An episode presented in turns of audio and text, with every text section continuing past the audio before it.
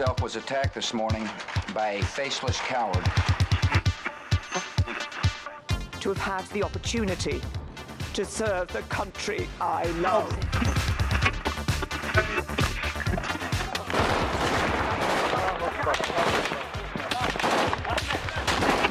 Den Einsatz für Frieden und Freiheit in Deutschland, in Europa und in der Welt.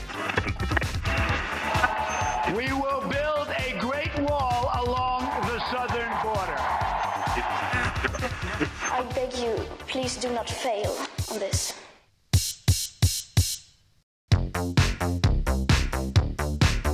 Góðan dag kæri hlustandi, þú ert að hlusta á heimskviður. Ég heiti Guðmundur Björn Þorbjörnsson. Og ég heiti Birta Björnsdóttir. Í heimskviðum er fjallað um það sem gerist ekki á Íslandi.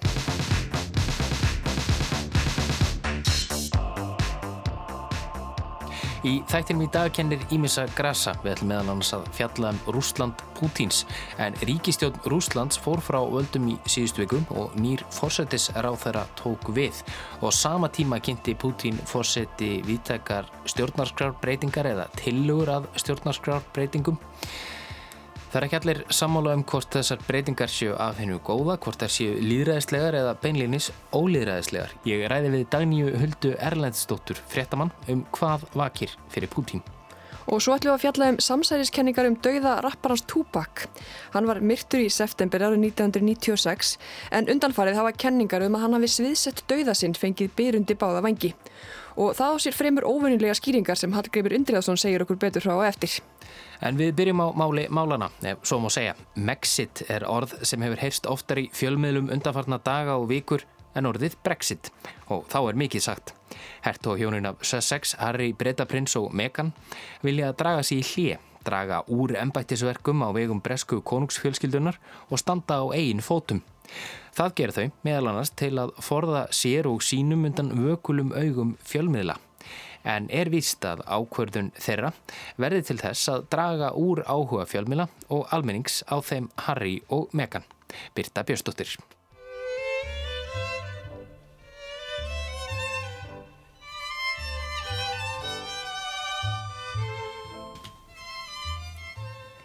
Í síðastliðinni viku mættum við mörg hver til vinnu. Það gerði þessi maður líka. So I am proud to support the Rugby League World Cup 2021 Mental Fitness Charter. Á verkefnanlistanum hans þann daginn var meðal annars að lýsa yfir stuðningi við átaki andleiri heilsu rúbíleikmana. Og það var fleira á dasgranu hjá manninum þennan 5. dag þann 16. janúar. Hann tilkynnti meðal annars að árlegt íþróttamót fyrrum Hermanna færi fram í Dusseldorf eftir tvö ár, en í ár lagi leiðin til Haag. This year we are heading to The Hague, where I am delighted that we'll be joined by 20 nations for 2020. Þessi maður er Harry Bretaprins. Ástæðan fyrir því að við vitum svo nákama dasgrá á þessum einungis meðal áhugaverða vinnudegi Harrys er svo að þetta var í fyrsta sinn sem hann syndi meðfættum starfskildum sínum eftir að hann opinberaði vilja til að draga úr slíkum störfum. It's astonishing. It's momentous. It has no precedent in modern times. The golden couple have decided they're quitting.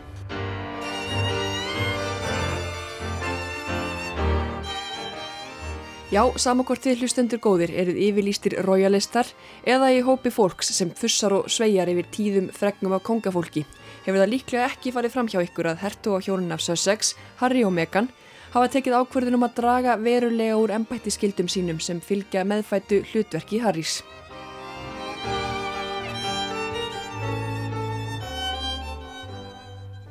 Lásið var til fundar í Sandringham kastala um leið og Harry og Meghan upplýstu um vilja sinn. Fundin sátu Elisabeth Englandsdrottning, Karl elsti sónur hennar og sinir hans tveir, bræðunir Vilhjálmur og Harry. Lendingin var samkominlag um að sá síðast nefndi og eiginkona hans segir sér frá öllum konunglegum skildum sínum sem fyllt hafa prinsinum frá fæðingu. I'm, I'm just not convinced this is quite as newsworthy as we all seem to think it is. Massively wealthy couple are to attempt the amazing feat of seeing if it's possible to be financially independent with only several million pounds in the bank. Fuck me! Jonathan Pye, fréttamaður sem leikin er af Tom Walker, orðar líklega hugsanir einhverja á málinu. Er þetta svona rosaleg stórfrétt? Að ungt, vell auðugt fólk ætlaði að reyna fyrir sér út í hinnum stóra heimi. En samakvort svari við þeirri spurningu sé já eða nei er það einhverja síðu staðreind að fjölmilar um allan heim hafa gert sér mat úr tíðundunum undanfarnar vikur og munu gera áfram.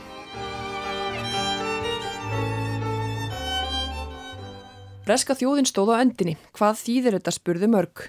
Breska ríkisútvarpið BBC svaraði kallinu og spurningum lesenda í sérstakri veffærslu. Er Harry N. sjötti erðaröð krúnunar? Hvað gerist ef Harry og Meghan skilja? Hvað þýðir þetta fyrir són þeirra Archie? Og fyrir ykkur sem deilið áhyggjum með þessum breytum upplýsist það hér með að Harry er enn sá sjötti í erðaröðinni.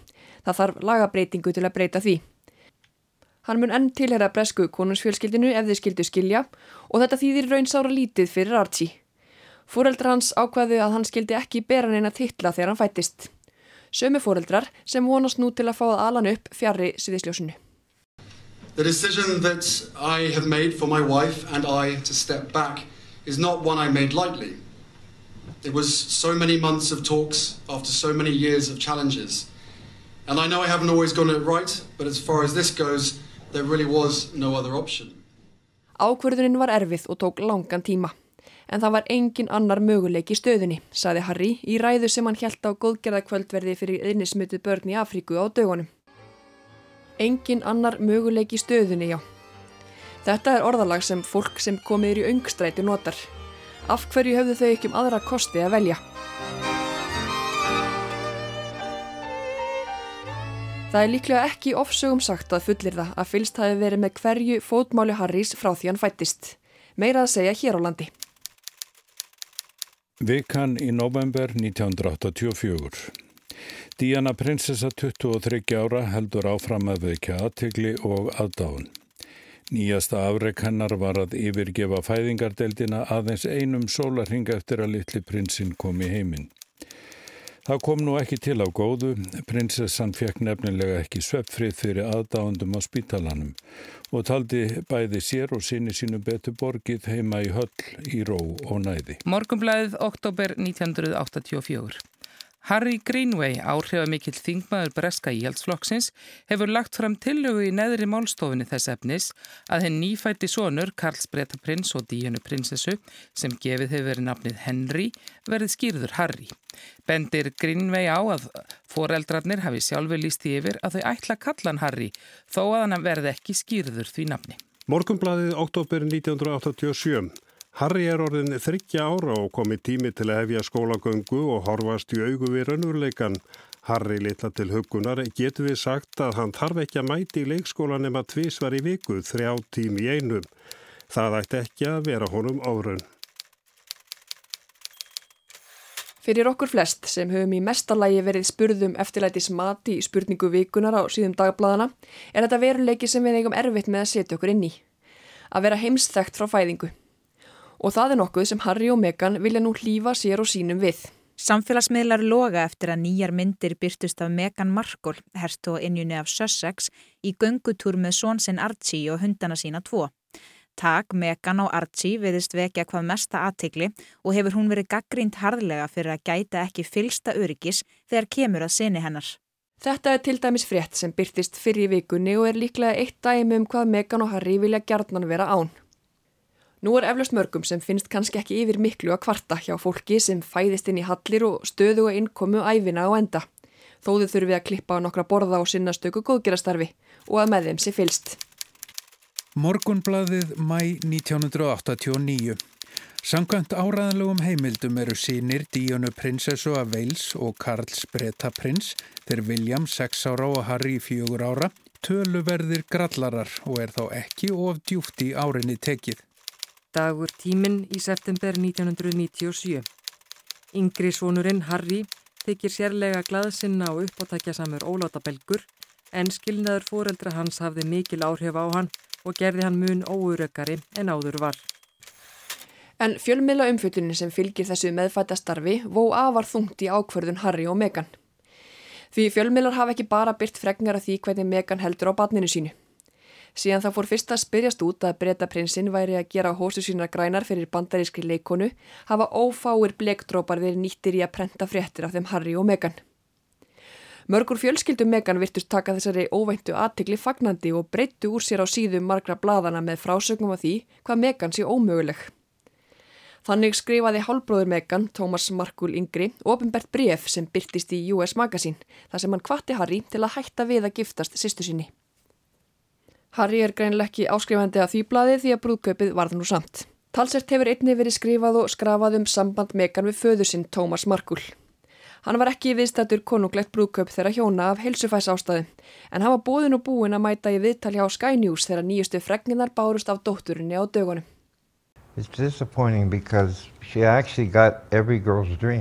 Uh, every young girl wanted to become a princess and she got that. And I, I, it's kind of embarrassing to me. Þetta veldur vonbriðum. Hún fekk uppfyldan draum allra stúlkna. Allar ungar stúlkur dreymdum að verða prinsessur og hún fekk það. Þetta er skömmustilegt, sagði Tómas Markul, fadir Megan og sjálfskeipaður sérfræðingur í vilja ungra stúlkna. Og honum lág fleira á hjarta. This is like one of the greatest long, long living institutions ever. Uh, Þetta er einn elsta stopnun sögunar og þau er að eigðileggjana. Þau er að atana út og breyta krúnunni í sjóppulega Walmart kórunu. Walmart with a crown on it now. It's not, it's not it, it's something that's ridiculous. They shouldn't be doing this. Þetta er fáránlegt og þau ættu ekki að vera að þessu, segir Tómas Markul. When are you gonna come down? En þó föðurfjölskylda Megans í yfirlýsingaglöði í fjölmiðlum eru þau ekki þau einu. Á flestu í lífi Harrys og nú Megan hafa mörg skoðanir og áhuga. Og umræðan er ekki alltaf jákvæð. Harry hefur margóft gaggrind umfjöldun margra miðla í heimalandinu um Megan.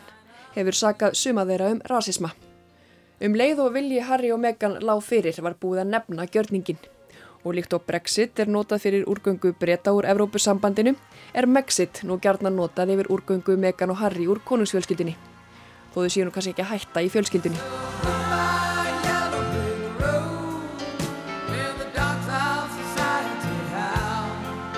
Það er áhugavert að staldra við þá staðreind að breytingarnar eru engungu kendar við Megan eins og ákverðunin hafi verið annarkvort hennar einnar eða þá áhrif hennar á Harry séu slík að svona nokkuð hefði aldrei gerst hefði hún ekki komið til sögunar. En styrt samband Harrys við fjölumila á sér mun lengri sögu en samband hans og Meghan.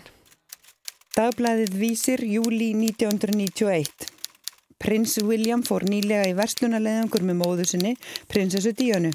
Yngri bróðurinn, Harry, var einnig með í verslunarferðinni en fadurinn, prins Charles, sem hefur þjáðstað bakverk undanfarið, satt heima. DFF, oktober 1997. Harry, sem varð 13 ári í síðasta mánuði, mun hitta kryddsterpurnar á góðgerðatónleikum í Jóhannesarborgum helgina. Harry mun einnig heimsækja skóla í hverfi blökkumanna. Þetta verður í fyrsta sinn sem Karl kynir fyrir síni sínum hægi bástadra. Það eru ekki bara fréttir af Harry í nazistabúningi eða fregnir af vafasamari hegður hans í Las Vegas sem hafa farið fyrir brjóstið á Harry.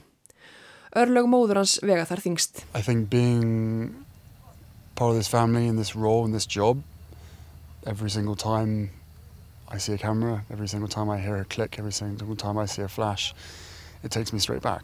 So in that respect, it's, it's, the, it's the worst reminder of her life as opposed to the best. Það fylgir því að vera hluti af þessari fjölskyldu og ennbættinu en í hvert sinn sem ég sé myndavél, í hvert skipti sem ég heyri smelt af, í hvert skipti sem ég sé flassblikka fer ég aftur í tíman. Þetta er versta áminningin um hana, saði Harry í viðtali í fyrra og á þá sjálfsögða við móðu sína, Díunu prinsessu sem lést í bílslýsi í París í ágúst árið 1997 eftir eldingarleik bladaljósmyndara. We have reports from Paris that Diana, Princess of Wales, has been killed in a car accident and that her partner, Dodi Fayed, has also been killed. They were apparently being pursued by paparazzi on two motorcycles. Svo hún er ekki engungu tilkomin með Megan, gaggrinni Harrys á fjölmiðla. Þó hún hefur kannski ekki minka við það heldur. Ímiskonar umfjöldinu Megan hefur farið fyrir brjóstið og hertu á hjónunum og Steinin tók úr þegar Daily Mail byrtu bref sem Megan skrifaði til föður síns. Þá fór hún í mál við bladið sem varðist með þeim rökum að Megan væri nú opinber persona og þyrti að þóla umfjöldunum sig. Og nú vilja þau draga sig í hlje. Og þau eru ekki þau fyrstu í fjölskyldunni sem kjósa það.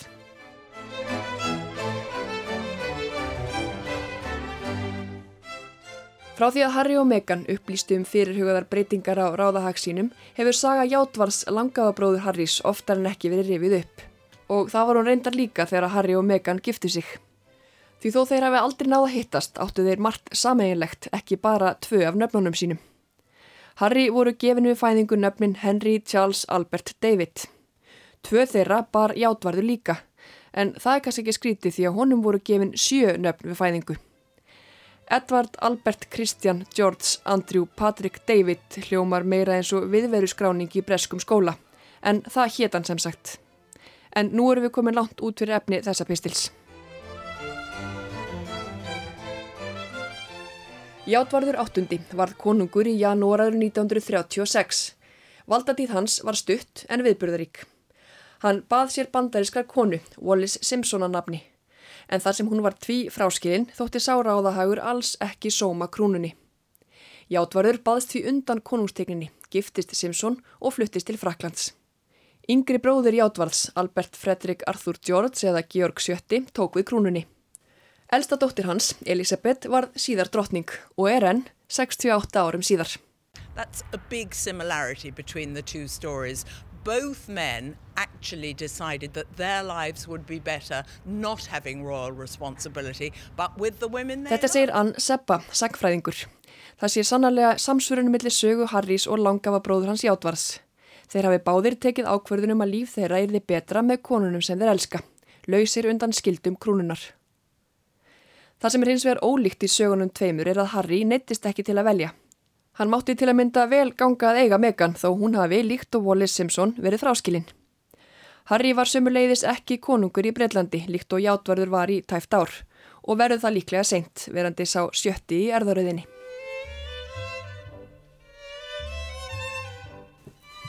En hvað ætlaði svo að fara að gera Megan og Harry? Aftur leitaði breska ríkisútvarpið BBC til sérfróðra um málefni konungsfjölskyldunar. Meðal möguleika sem velter upp í þeirri umfjöldun er hvort Harry og Meghan ætlið að nýta fræð og fylgjenda fjölda sinn á samfélagsmiðlum til að verða áhrifavaldar. Það þykir sérfróðum hins vegar ósænilegt þó svo að miljónir fylgið þeim á samfélagsmiðlum sé það ekki líklegt að þau nýti fræð sína til að kynna og selja vörur og þykja greiðslur fyrir.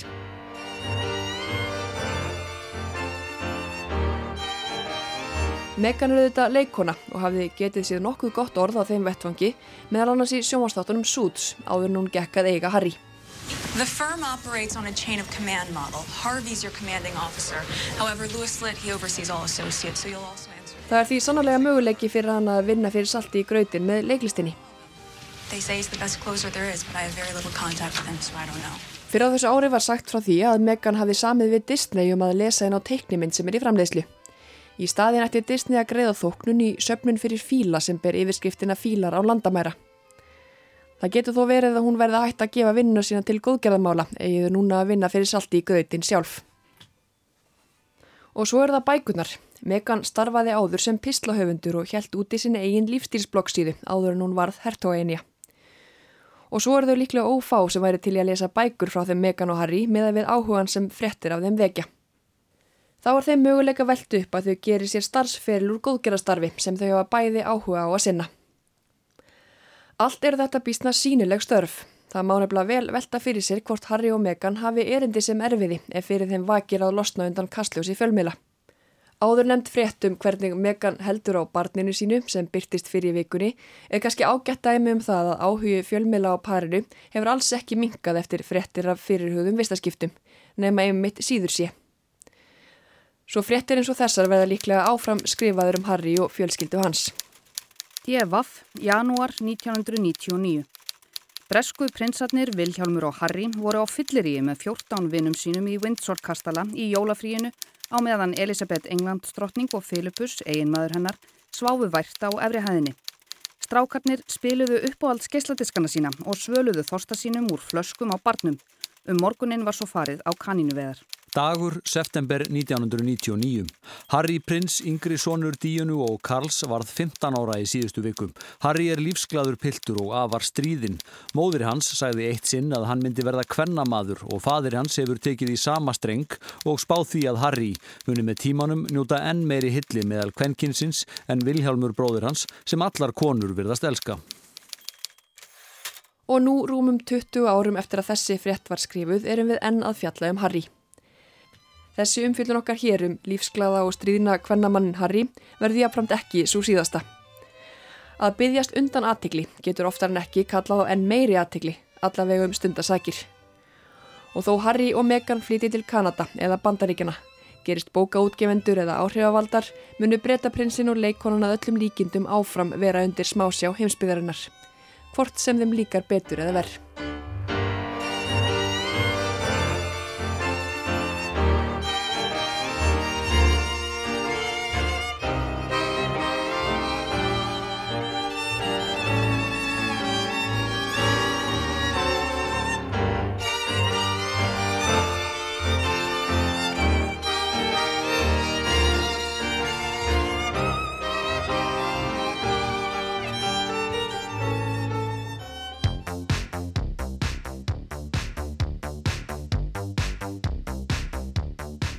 Frá Breitlandi höldum við yfir til Rúslands.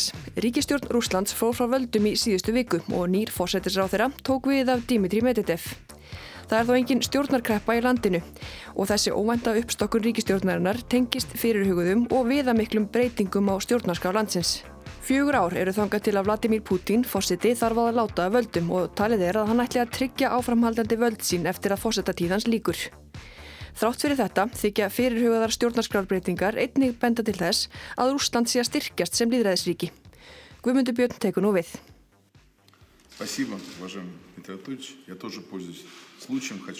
Þetta er Mikael Mishustin. Mishustin, hver getur þú spurti kæri hlustandi og ég álasa þér ekki fyrir þekkingarleysið. En Mishustin þessi er þó enguða síður forsætis ráð þeirra Rúslands, eins stærsta og valdamesta lands í heimi. Hér situr hann fyrir svörum á bladamannafundi við hlið Dimitris Medvedev fráfarandi forsætis ráð þeirra sem sagði af sér í vikunni sem leið.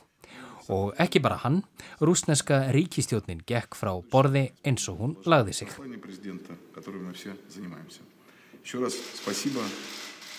Ég þakka tröstið, sagði Miss Hústín keikur í bræði, enda engin ástæða til annars. Það er síður en svo stjórnarkreppa í Rúslandi eins og maður myndi kannski ætla þegar heil ríkistjón segir af sér. Nei, þetta er allt saman með ráðum gert og það er sá sem öllu ræður sem stjórnar síningunni Vladimir Putin fórseti Поправки, которые предложены были вчера, не затрагивают фундаментальных основ Putin kynnti viðamiklar breytingateilugur á rúsnesku stjórnarskráni sömu andrá og stjórnarskiptin gengu í gegn. Sama dag og Medvedev fór út og Miss Hustín tók við liklunum. Einhverjar þeirra hafa fallið vel í kramið, aðrar ringja viðvörunabjöllum. Það er nefnilega svo að fyrirhugaðar breytingar á stjórnarskráni gætu verið fyrsti leðurinn í því að tryggja það að Putin siti enn við völd þegar fósættatíð hans líkur árið 2024. Þá verður Putin 72 ára og svo verðist sem hann sé alls ekki á þeim buksunum að leggjast í helgan stein. Því eru skiptar skoðanir um hvort breytingarnar séu af hennu góða eða réttar sagt hvort þær séu í anda þess líðræðis sem Rúsland vill og segist standa fyrir eða séu beinlýnis ólýðræðislegar.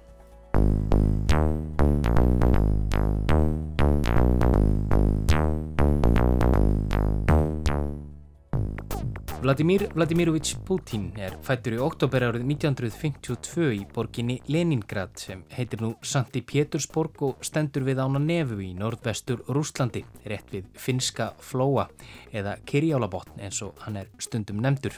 Fyrir áhuga sama um uppvakstar ár Putins og störf hans fyrir sovjasku leinithjónustuna KGB er óætt að mæla með þætti veru Ylluðadóttur í ljósi sögunar um Putin frá því februar 2016.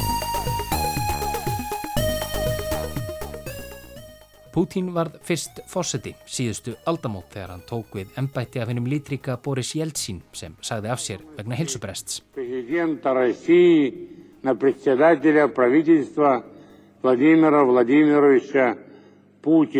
Upphaflega stóð til að kjósa um sömarið 2000 en þar sem Jeltsin hætti óvænt á gamlástag 1999 var kostningunum flýtt og þær haldnar í mars. Bráðaberða fórsittin Pútín fekk 53% atkvæða og sór embættiseið í mæ. Putin satt á fórsetastóli til ásins 2008 en samkvæmt rúsneskum lögum má fórseti aðeins sitja tvö kjörtímabil í einu. Nú voru góður á dýr fyrir Pútín en það hafði hann engan áhuga á því að láta af völdum. Hvað gera bændur þá?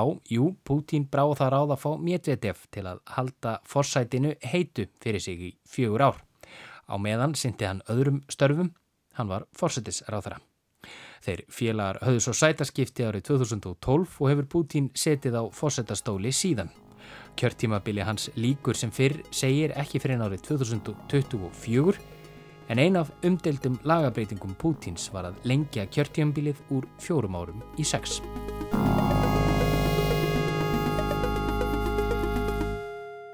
Breytingartilegur Pútins á stjórnarskráni eru nokkuð viðamiklar. Meðal annars er lagt til að reglur fyrir frambjóðendur til fórsetaembættisins verði hertar. Frambjóðendur geta ekki haft tvöfaldan ríkisborgar rétt og þurfi að hafa búið í Rúslandi yfir 25 ár. Þá verða lámarks laun yfir fátagramörkum og ellilíferir á að fylgja vísitölu og verðbólgu. Dagný Hulda Erlendstóttir, frettamæður, er hlustendum heimskviðina að góðu kunn, en hún er okkar helsti sérfræðingur um málefni Rúslands. Ég spurði Dagníu út í aðrar helstu breytingarnar sem fyrirhugaðar eru á stjórnarskráni. Eitt er það að forsetin getur bara setið í tvö kjörtímabil punktur. En svo þetta er núna, þá getur hann setið í tvö kjörtímabil í röð, svo getur hann tekið sér hlje og komið aftur eins og Putin er búin að vera að gera. Við fyrstu sín verðist svo tilega bara nokkuð góð og síst til þess fallein að Putin geti aftur sest á fósöldastól. Þá er þess einnig getið að þingið fái meiri völd og það á kostnað fósöldans. En sé ringt nánar í tillegur fósettans kemur annað í ljós. Fjölmarkir stjórnmálaskýrindur og gaggrínendur fósettans segja orð hans flagð undir fögru skinni. Í tillegum fórsetans kemur nefnilega einnig fram að þið svo kallaða ríkisráð Rúslands fái aukin völd. Þetta er svona ráðgefandi ráð í dag. Pútín er formaður en það er svona hugmyndin að, að þetta ráð getur svona lagt línutnar fyrir þá ríkistjórnina bæði innan og utanikismálum. Og það er þetta sem fólk er svolítið hrætt við.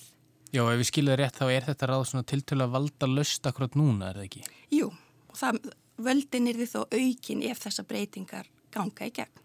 Og því geti Pútín haldið formensku sinni í ríkisræðinu eftir að hann stýgur af stóli sem fósetti.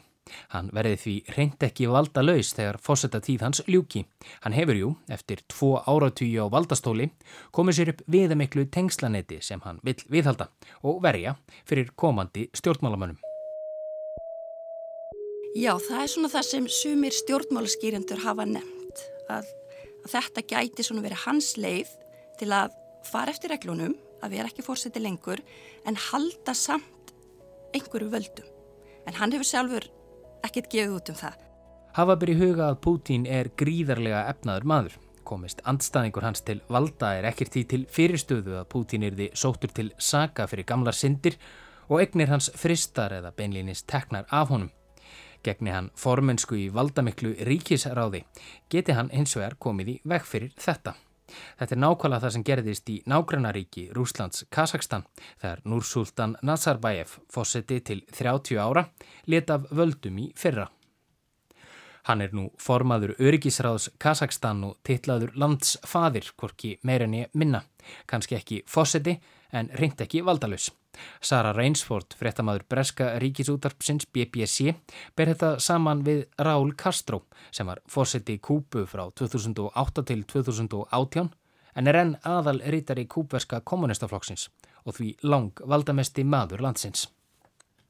Líktu þeir félagar Castro og Nazarbayev veriðist Putin hafa lítinn áhuga á að hætta í vinnunni. Hann er náttúrulega 68 ára, hann verður 72 ára þegar kjörtumabilið verður búið Þó hann sé ósalega sprækur kall á sétusaldri sem spila ísokki og gengur á fjöll og svona, menn þá mun hann eitt daginn falla frá og hann náttúrulega vill ekki að verði þannig að þegar hann fer þá verði bara svona tómarum.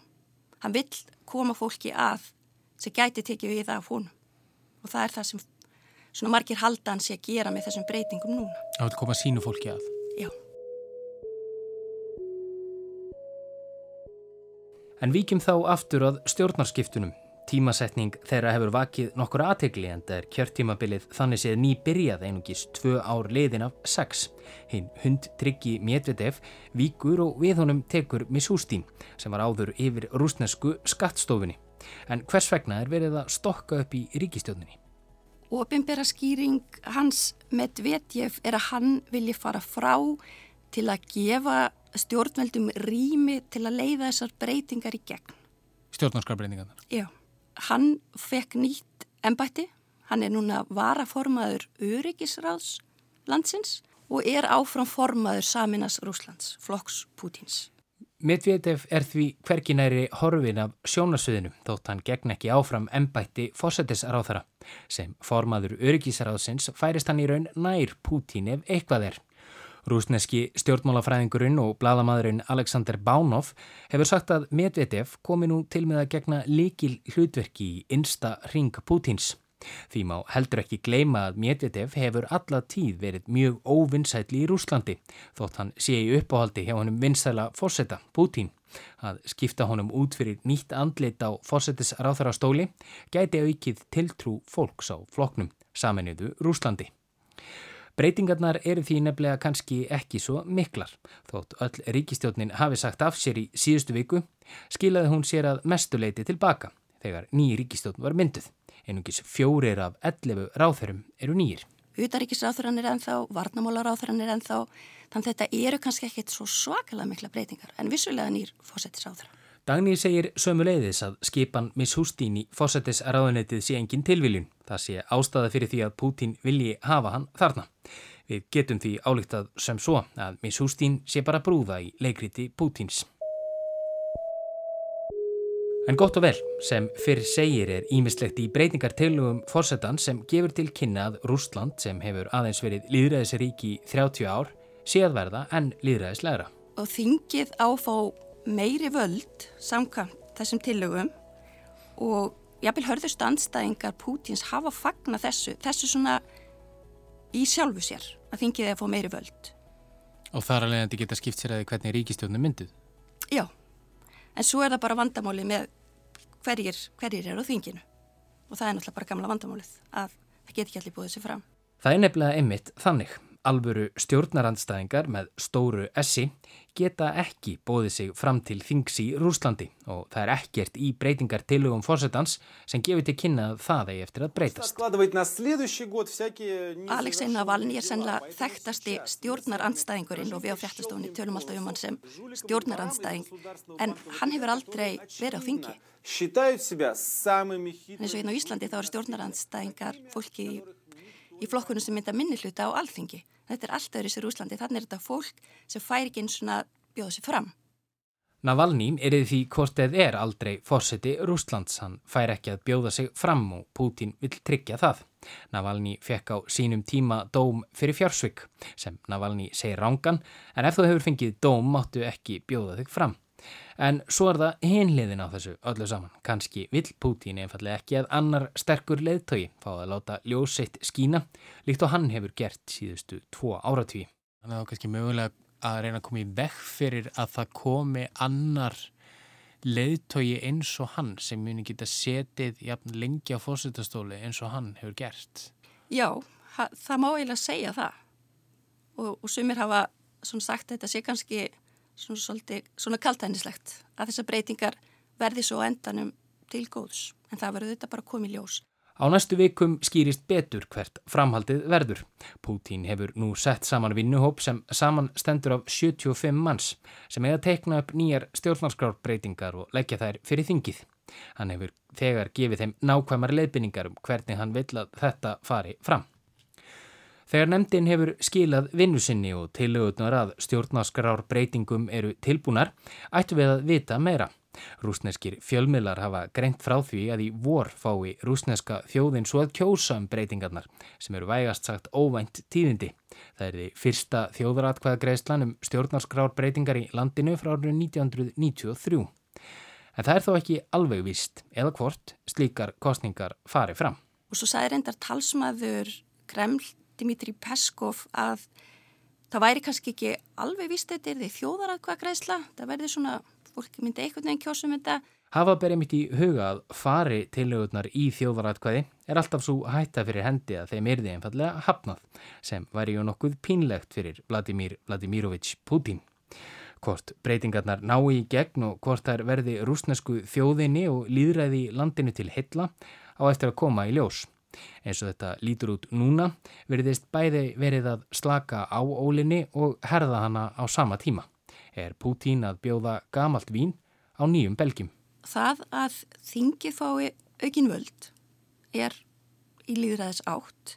Það fórsetin með ekki sitta lengur en tvö kjörtumabíl er það líka en svo kemur náttúrulega á móti þetta með ríkisráðið verður það þarna yfir öllu og Pútín þar, það vitum við ekki og svo er náttúrulega líka hvernig verður þetta fá allir að bjóða sér fram og ef, að, ef þingi fæ meiri völd en bara flokkar þóknanleir stjórnvöldum fá að bjóða sér fram þá getum við ekki talað um að það sé framfæra í líðræðisátt.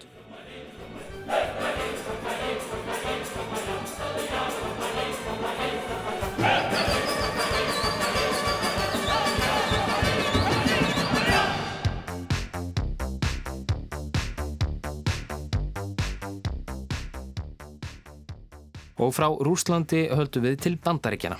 Rapparinn Tupac var myrtur í september árið 1996, eða hvað? Samsæriskenningar um að hann hafi sviðsett döðasinn hafi verið lífsegar. Og nú fyrir skömmu fengur þær enn meiri byr á óhefbundin hátt, svo ekki sé meira sagt. Hallgrimur Indriðarsson segi nú frá.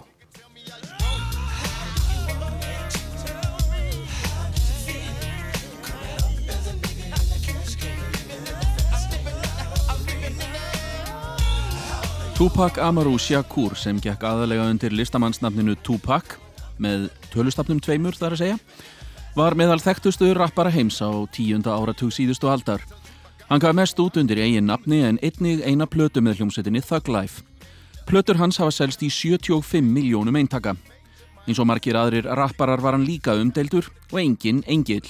Hann komst reglulega í kast við lögin og var meðal annars sakveldur fyrir að ráðast á konu. Tilkynnt var um andlát hans 7. september 1996. Hann var þá 25 ára gammal. Gangster rap singer Tupac Shakur died tonight in a Las Vegas hospital. The controversial MTV award winner who sold millions of records was on life support for the last six days after he was shot up in a drive-by ambush.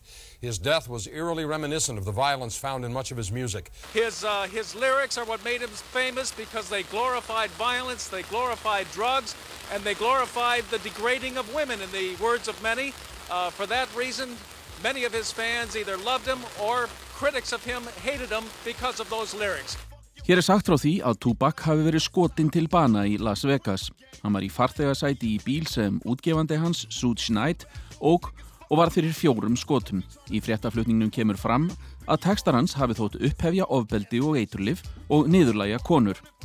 Af þessum ástæðum hafi hann verið mjög dýrkaður meðal aðdáanda sinna en harlega gaggríndur af öðrum. Hvað sem því leið setti hann marksitt varanlega á tónlistarlíf heimsins. Hann var valin í heiðushöll Roxins árið 2017 á samt meðal annars Janet Jackson, Pearl Jam, ELO og Depeche Mode og fáinni séu nefndir. Sama ár kom út bíómyndum æfi hans.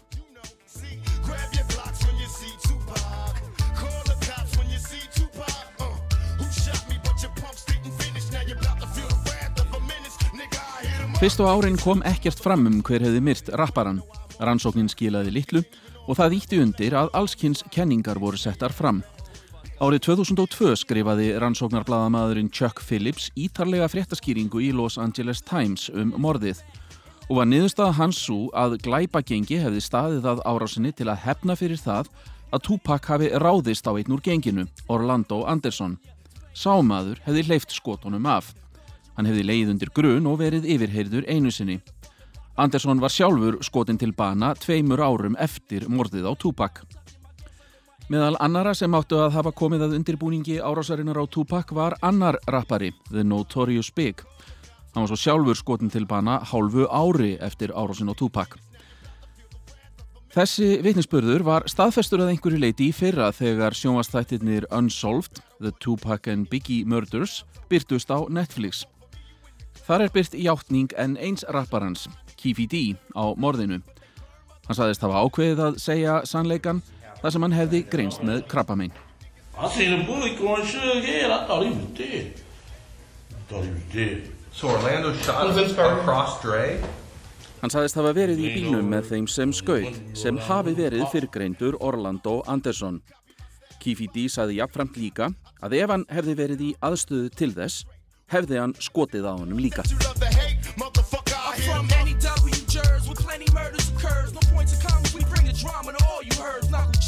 Framantaldar kenningar um morðingja Tupaks hafa þó fallið í skuggan af þeirri lífsegustu að Tupak hafi alls ekki dáið í þessari skotarás, heldur hreinlega sviðsett dauðasinn. Sónur fyrirgreins Suge Knight held því til að mynda fram í oktober 2018 að Tupak væri á lífi og búsettur í Malasíu. Fadir hans, sem var með Tupak í bílnum þegar skotið var á hann, saði að Tupak hefði verið hinn hressasti þegar hann yfirgaf spítalan. Það væri skrítið ef hann færi frá því að vera hress yfir í að deyja á östutum tíma. Fleira þykir grunnsamlegt. Tupak var ekki í skotheldu vesti eins og nánast alltaf þegar hann var á ferli. Það var lík hans brent daginn eftir að hann lést og tölur um hæð og þingdi líksins voru bísna langt frá því sem var skráði í aukuskýrteini Tupaks. Sá sem skilaði þeirri skýslu hætti síðan störfum og hefur ekkert til hans spurst síðan. Það var einnig hætt á sínum tíma við minningaratöpp á síðustu stundu en þar átti kista Tupaks að vera opinn. Þeir sem vilja svo rína enn dýbra í mögulegu táknum tilvist Tupaks telja sig geta greint ímis leint skilaboð í síðustu lögum hans sem benda til tengsla við annan rappara sem gerði gardin frægan síðar, Casinova The Dawn. Sá þykir afar líkur Tupak og hefur meira að segja unnið með sömu tónlistamönnum. Casinova The Dawn gerði auk þess lag um morðið á Tupac 2012 sem heitir Mystery.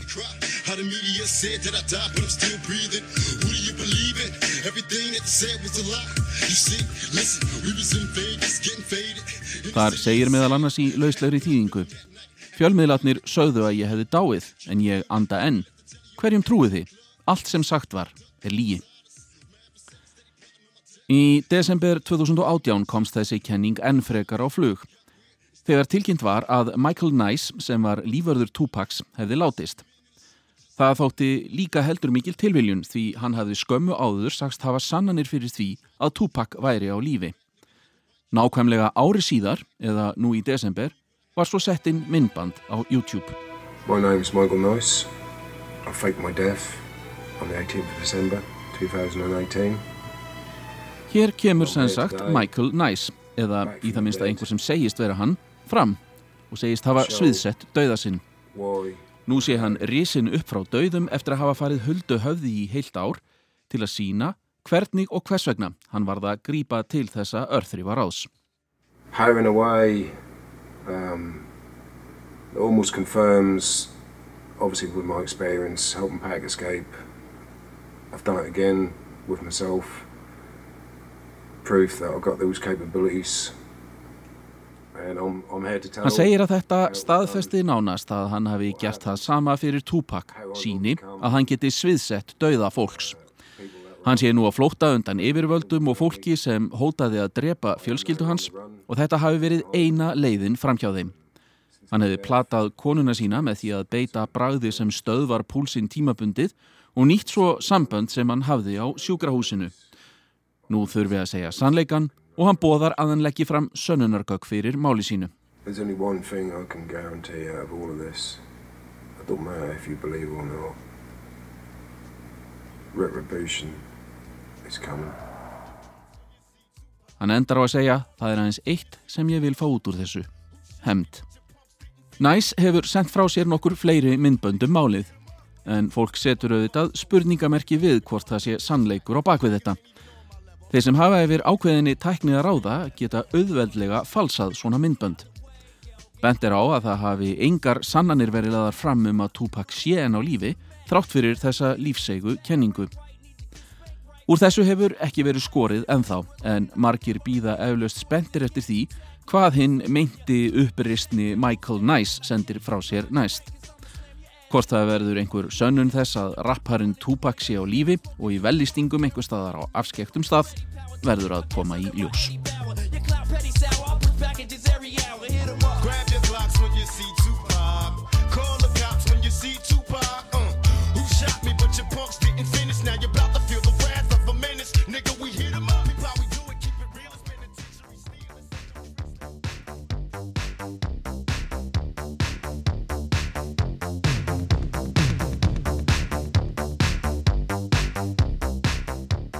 Heimskviður verð ekki fleiri þessa vikuna. Þátturinn er aðgengilegur á öllum helstu hlaðvarpsveitum til að mynda Spotify, iTunes og öllum hinum. Og þá er einnig hægt að hlusta á þáttin í RÚV appinu eða í spilarnum á rúv.is.